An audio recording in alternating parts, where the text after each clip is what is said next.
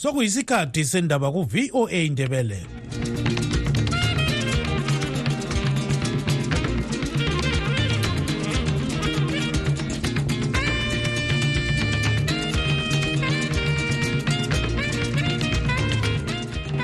siyahlangana kwezekuseni mthwakazi omuhle ngolwesithathu mhla ka-10 kuzibandlela 2024 igama lami nguntungamili nkomo endabeni zethu lamhlanje.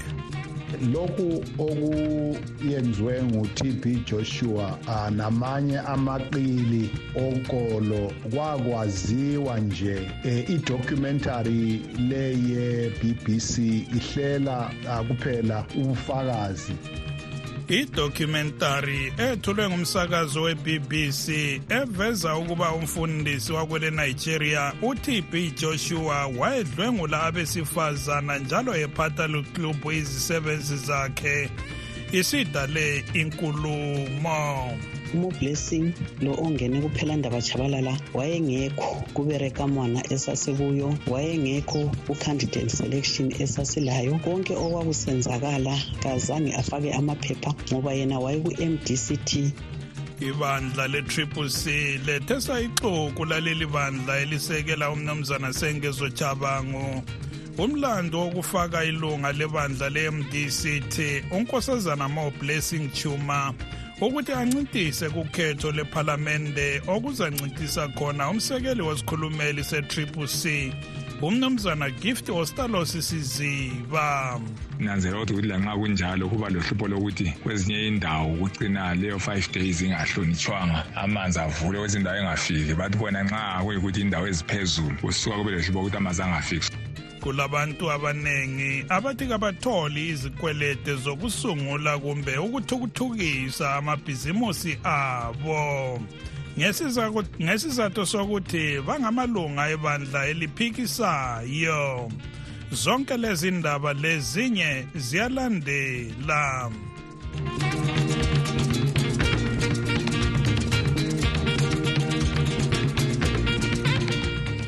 Idocumentary ethulwe ngumsakazo wakwele Bhilithane owe-BBC ngomvulo eveza ukuba umfundisi wakwele Nigeria uTB Joshua wayedlwengula abesifazana njalo ephatha luklubhu izisebenzi zakhe soludale inkulumo. Lividiyo elesihloko esithi Disciples the Cult of TB Joshua. Ile ngxoxo labesifazana lo Joshua igama lakhe lokuzalwa enguTemitope Balagon Joshua yena obhubhe ngomnyaka ka2021 kanye lendodakazi yakhe. Abanye baveze ukuba izigaba ezazisenziwa ngu iz, izigigaba ezazisenziwa nguTB Joshua ezifana lokwelapha abagulayo zazingezamanga. iBBC ithi njalo uTB Joshua wavimba imbangela yokudilika kwesakhiwo sakhe esawohlokayo sabulala abantu abedlula ikhulu 118 uTB Joshua wakwele Nigeria ubedume kakhulu umhlaba wonke jikelele njalo evakatshelwa ngabantu abavela emazweni womhlaba achiyeneyo ababalisa labeZimbabwe. Abagoqela inkokheli yezombusazwe ethi umnumzana Morgan Tsvangirai unkosazana Thokozani Khuphelo umsekeli kamongameli welizwe umnumzana Kembo Mohadi.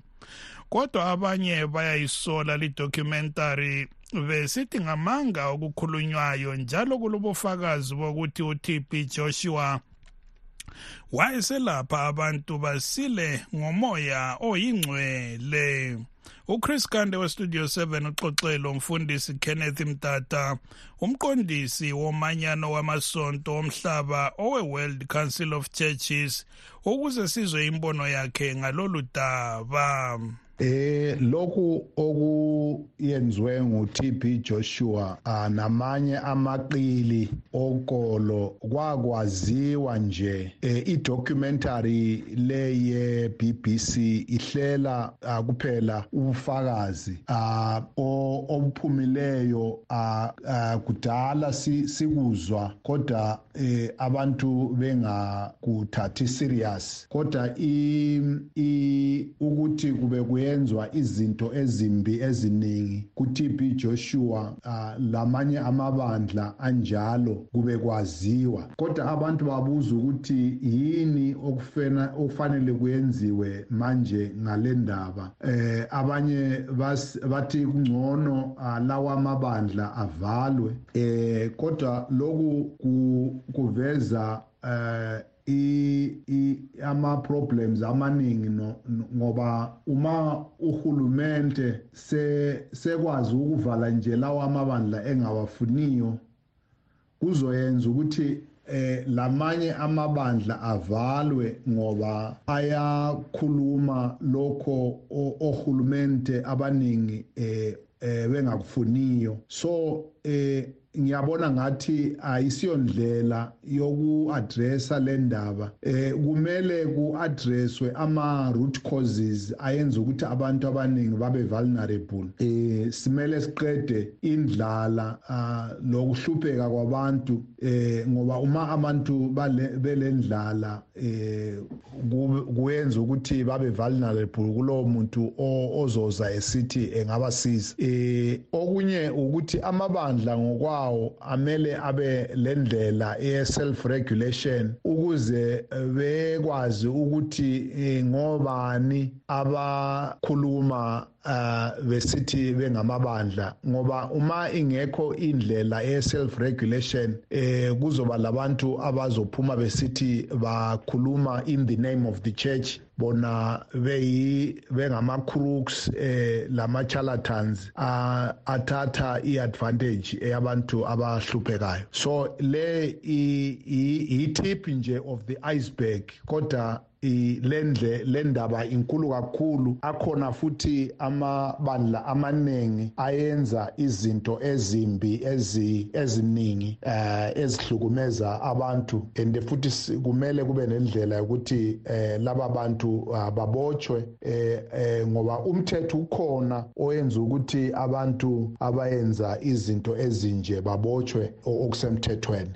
Kodwa sike sezwa abanye belokhu besithi balobufakazi bokuthi uTB Joshua wayenza okuqotho njalo eselapha abantu bakhona abasilayo abaningi. Lithini lina ngalokho hayi asiko ukuthi eh alaba aba lezi izigebengu zazi sigebenga abantu nje izikhathi zonke ngoba kwezinye izikhathi eh babe yenza lezo zinto eh abantu babe zidinga kodwa eh ayisiyo license phela ukuthi uma usiza abantu usuba abuser ngoba abantu aba abuseweyo ngo TB Joshua baningi futhi balobufakazi. Eh uTB Joshua asoze athole license yoku abuser abanye abantu ngoba usizile abanye abantu. So indaba ekhona lapha indaba eabuse enkulu kakhulu eh ezokansela okonke okuhle engabe ekuyenzile eh iyo indaba ephuma lapha ku documentary eh ka ka, TB Joshua.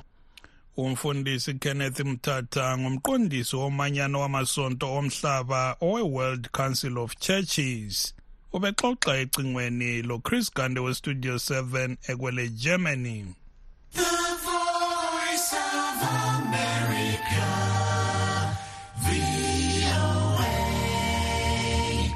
Ibandla le-Triple C selethe seyixuku laleli bandla elisekelwa ngumnumzana Sengezo Chabango umlando wokufaka ilunga le-MDCT unkosazana Mo Blessing Chuma ukuthi ancintise kukhetho lwephalamende lapho okuzancintisa khona umsekeli wesikhulumeli se-Triple C umnumzana Gift Wostalos Siziba.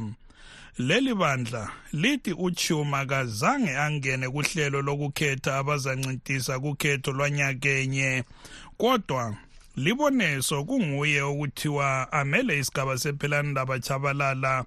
Okwakunqobe khona usiziba laye owabhalisa owabhalisela ukuncintisa emthethwanindaba okhetho owe-nomination court ephansi kwebandla le-triple c. Uchris gande uxoxele isiphathamandla saleli bandla kobulawayo umnumzana kwanele bhango ukuze sizwe okuningi ngalolu daba. Ngiyabonga mnumzana umbuzo wakho kuliqiniso sibili okubuzayo. Umo blessing lo ongene kuphelandaba chabalala wayengekho kuberekamwana esasekuyo wayengekho ku-candidate selection esasilayo. Konke okwakusenzakala kazange afake amaphepha ngoba yena wayeku-mdct eyayikhokhelwa ngumonzora udouglas. So eseswele ama-candidate uchabangu ubone kufanele ukuthi athathe umuntu owayengekho. So ukuthi kuthiwe ufaka abantu aba-aggrieved ngikubona kungasento e-right kungasoqiniso sibili ngoba u-aggrieved ngayiphi indlela umo blessing yena oyevele engekho ngaleso sikhathi abanye ababekhethwa bengena. Ngiyabonga. Manje njengoba sisizwa besithi bazahamba emthethwandaba ukuthi bamise umnumzana siziba ukuthi ancintise kusigaba sephelandaba chabalala lina liluthatha njani lolu daba? Thina ithemba lokuthi sizanqoba silalo. Angaba khona siyakwazi ukuthi akhona ama-plans okuthi bamise u-honorable ostalos ukuthi aconteste kodwa ithemba ekugcineni sizanqoba kuphela. Yikho engingakutsho okwamanje. Wonke amaplan amabi angafuna ukuthi awenziwe hatshi thina silethemba sihlala sinjalo sizanqoba. Umnumzana kwanele bango ngowebandla le-triple c kobulawayo. Sixoxe njalo lomunye wabasebenza lo mnumzana chabangu umnumzana albert mhlanga ukuze sizwe ukuthi bona bathini ngalolu daba Eh hayi ngiyabonga babagande lezakhamizi leZimbabwe nje yonke jikelele. Ye bayatsho ukuthi ubebengamazi ngoba abangani bayakhumbula kumbe ebevele sikhamba labo mntwana former ECC. ECC is a citizen uh, party. Yi-citizen party in that it's a ithatha ama-stakeholders phose wonke eh, ama-industrialists abezenkonzo izinyanga kanye labama-civic organizations. So ekuyenzeni kwethu siqalisa sasivumelene ukuthi kulezinye indawo esizazigcina sizigcinela ama-political party vele edesilabo kulezinye lapho esizazigcinela abe-civic society. Like uyabona um kulobaba udumisane nkomo ubesuka ku-civic society ubengekho any other party ubesuka ku-civic society yikho-ke wangena ekhansilini yikho-ke labanye nxa umo-blessing bangamazi laye umela amanye ama-organization lawa esisebenza lawo. So hhayi uyanqoba ngoba sonke siyamkhampenela bonke labama-organization lapho asuka khona bazamkhampenela ikathi nje vele ubephathekile kwezepolitiki isikhathi eside abantu bayamazi lathi siyamazi. Yikho-ke hhayi ukuwina siyayithatha leyani indawo ngoba njengoba ngitshile nje kumalanga adlulileyo ukuthi unguye i-official candidate ye-cc umnumzana albert mhlanga ngomunye wabasebenza lo mnumzana sengezo chabangu ozithi nguye unobhala jikelele we-triple c. ubexoxa lochris gande westudio 7 ekobulawayo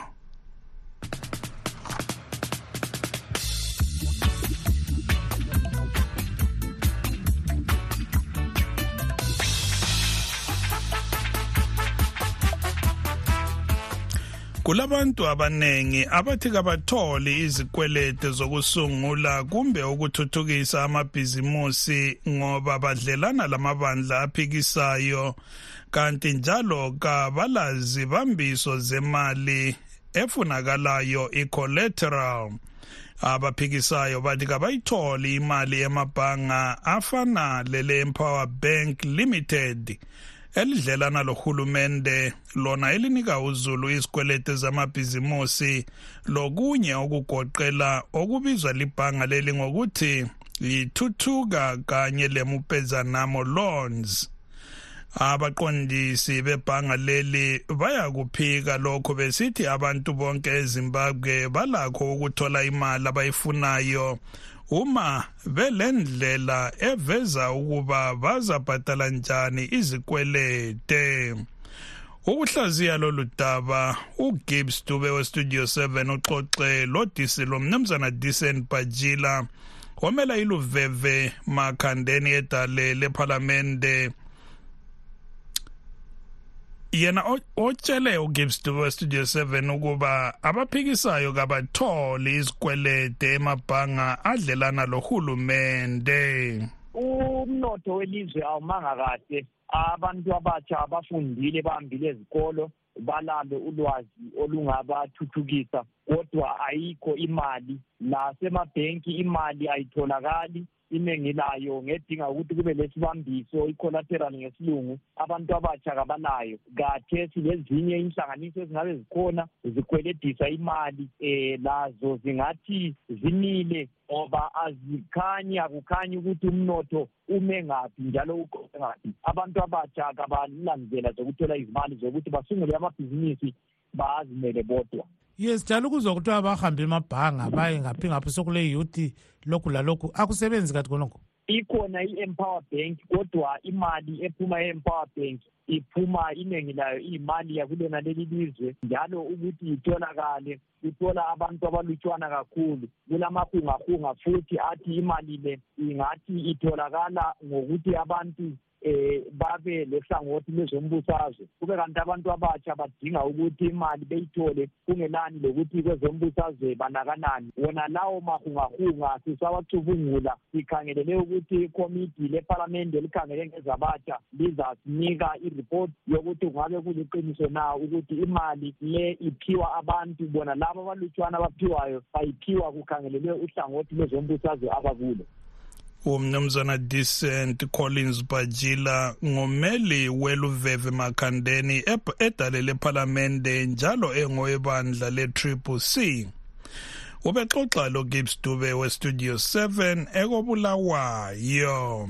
Sixoxe njalo lo mnumzana malaki nkomo owebandla lezanu p f. Abantu fanele bakwazi ukuthi izimali lezi uma beziphiwa awuphonguholiswa njengomuntu uthi uyaholiswa imali. Kuba lemithetho eminye ekhona engathi sizoba nisiyodinga imali kuyukuthi kulenhlelo eziphiwa nguhulumente kufunakala imali. Kukhona enokufana ukuthi umuntu akugcwalise ukwenzela ukuthi kubonakala ukuthi ngempelampela ngumuntu ofuna imali yokuthi usebenze abaningi bazafuna ukuthi khona funa imali kahulumente ngifuna ukuthi ngenze umthelo akayenzi le proposal akele iphepha wethu ukuthi umuntu kuwenza lokho lakho lapha ngizama ukuthi bakuzisiyanisa abantu. Uma sewenza iprojekthi yakho ikhanya abamabhenki nalaba abakusebenzemali yibo abakufundisayo. Izamthetho iyabe ingasekho khonapho. Abantu abaningi bathi sokunomthetho oyihonawulayo ukuthi wena na ufuna imali yokuthi wenze lokhu kufanele ukuthi igcwalise kuphi okufunakalayo so abantu balefuna kube ngama-shortcut akungeke kube nama-shortcut ezintweni ezintweni ezama-policy. Kuyafanele ukuthi umuntu wonke angene ngendlela yona leyo. Njalo nje nokuthi ikhethe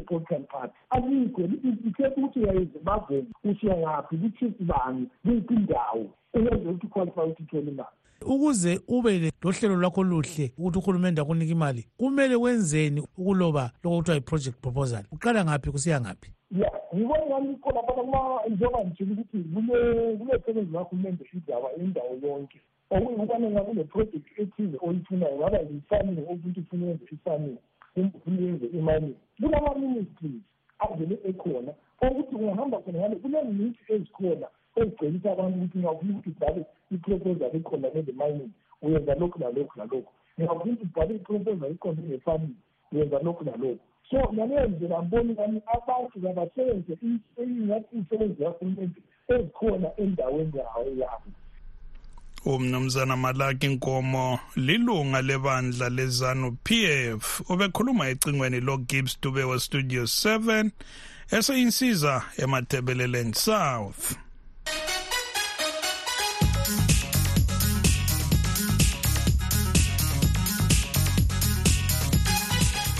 Kwezemelika ziyadibana njalo namuhla inkunzimalanga zebandla lama-republicans kungxoxo mpikiswano yokuveza ukuba ngubani ozancintisa emele ibandla leli kukhetho lalonyaka olokudinga umongameli welizwe.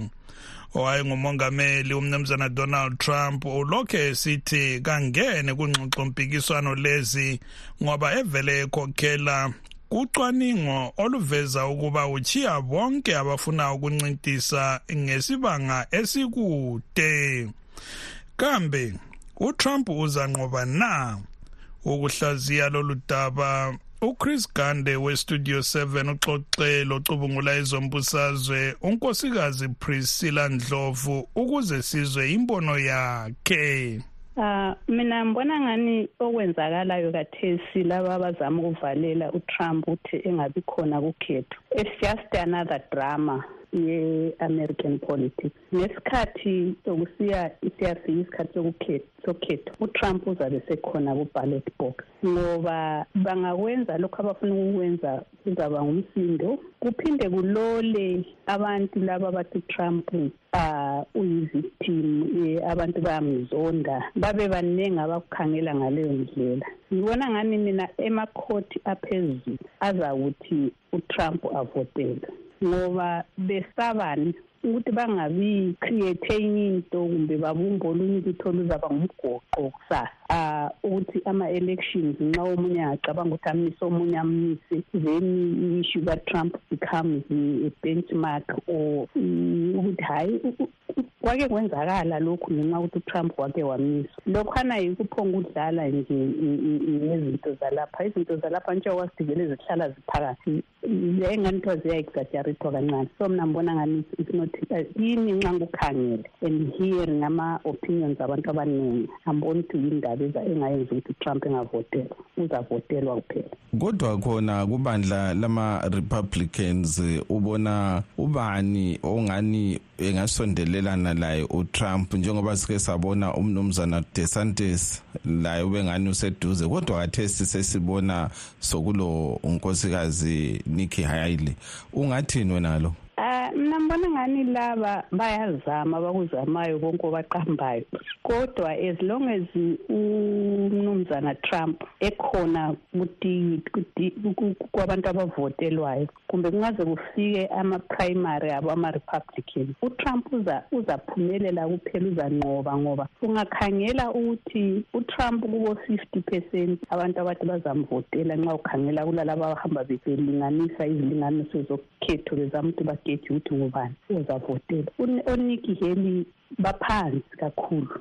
Ukuthi kuzathathani ukuthi baze bavale isibanga lesi siphakathi kwabo lo Trump. And enye into esimele siyinanzelele futhi esikhohlwayo yikuthi abantu abavotela uTrump kufanana lokuthi thina sithi sivotela i-political party e-republican party. Lelani ixeka labantu abavotela ulokhu nje utrump kabaseyi-political party. Sokungani kuthiwa yi-cult olabana abaphonga ulandela umkhokheli kusemnyameni. Ukuthi angeze yenzeni bayalandela kuphela. Bangaze bezokuthiwa omunye uhambe khona phana bathi bayamkhulekisa wafa. But ngenxa ukuthi belingqondo zabo sezikhona phaa ungeza kubakhuphe.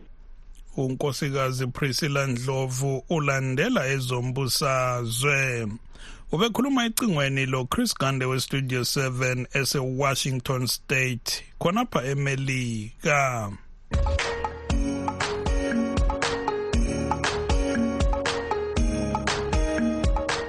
Singene kusigaba sembiko yeno Eh sanibonani sanibonani bantu sanibonani balaleli nabalandeli bestudio 7 mhlaba wonke jikelele. Yeah eh okhulumayo lana lichagwana elikhulu esigabeni sakosuku kwelase-plan tree ukhanyana incube yeah. Ah hey yazi ngizwa abantu bekhuluma lapha eh, usengezo shaba ngesithi yena ufuna ukulungisa i-ccc eyenze izibe lama-structures ezincoma ukuthi i'm going to strike again.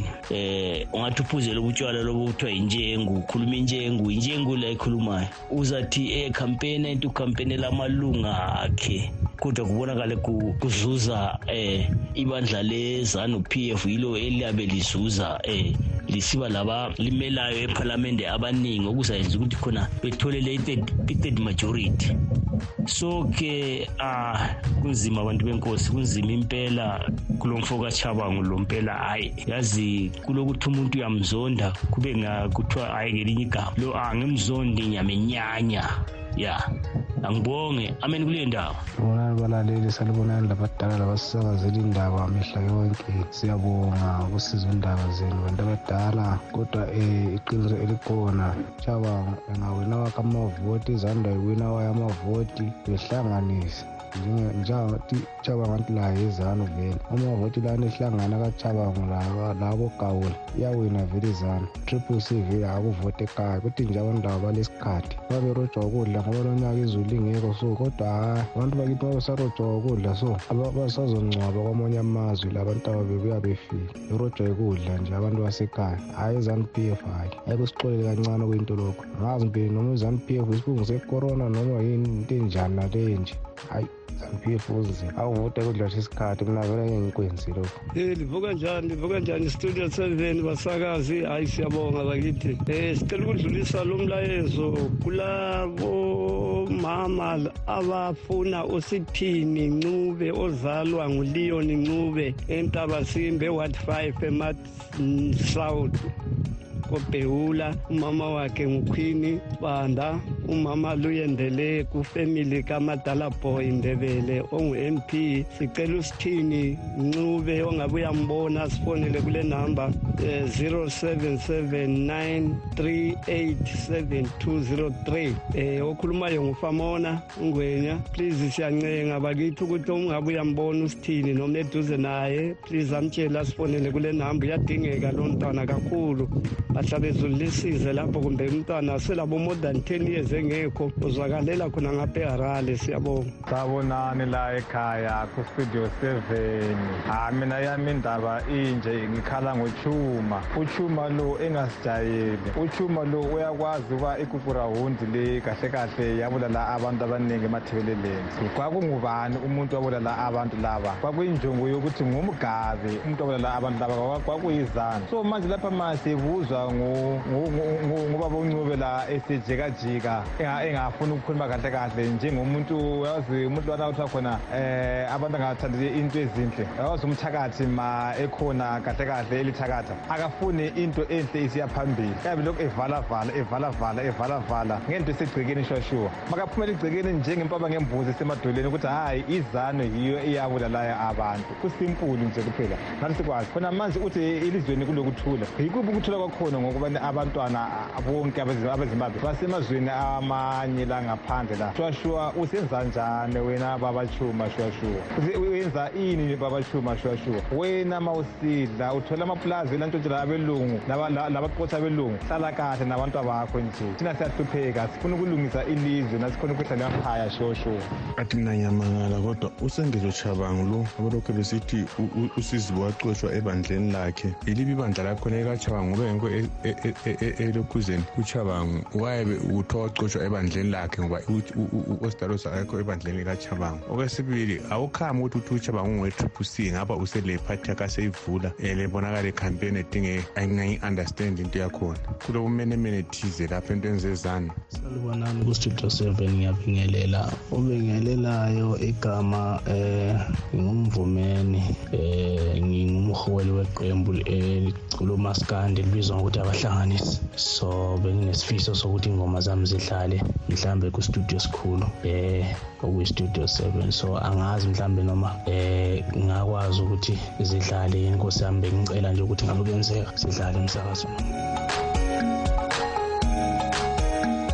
Labo bekungabalaleli bestudio 7 besipha imbono yabo ngewhatsapp kunombolo ezithi plus 1 202 465 0318 kwaneleke mthwakazi omuhle likhumbule zikhona ezakusihlwa ngo-half past 7 na olivalelisayo ngontungamili nkomo litshone kuhle.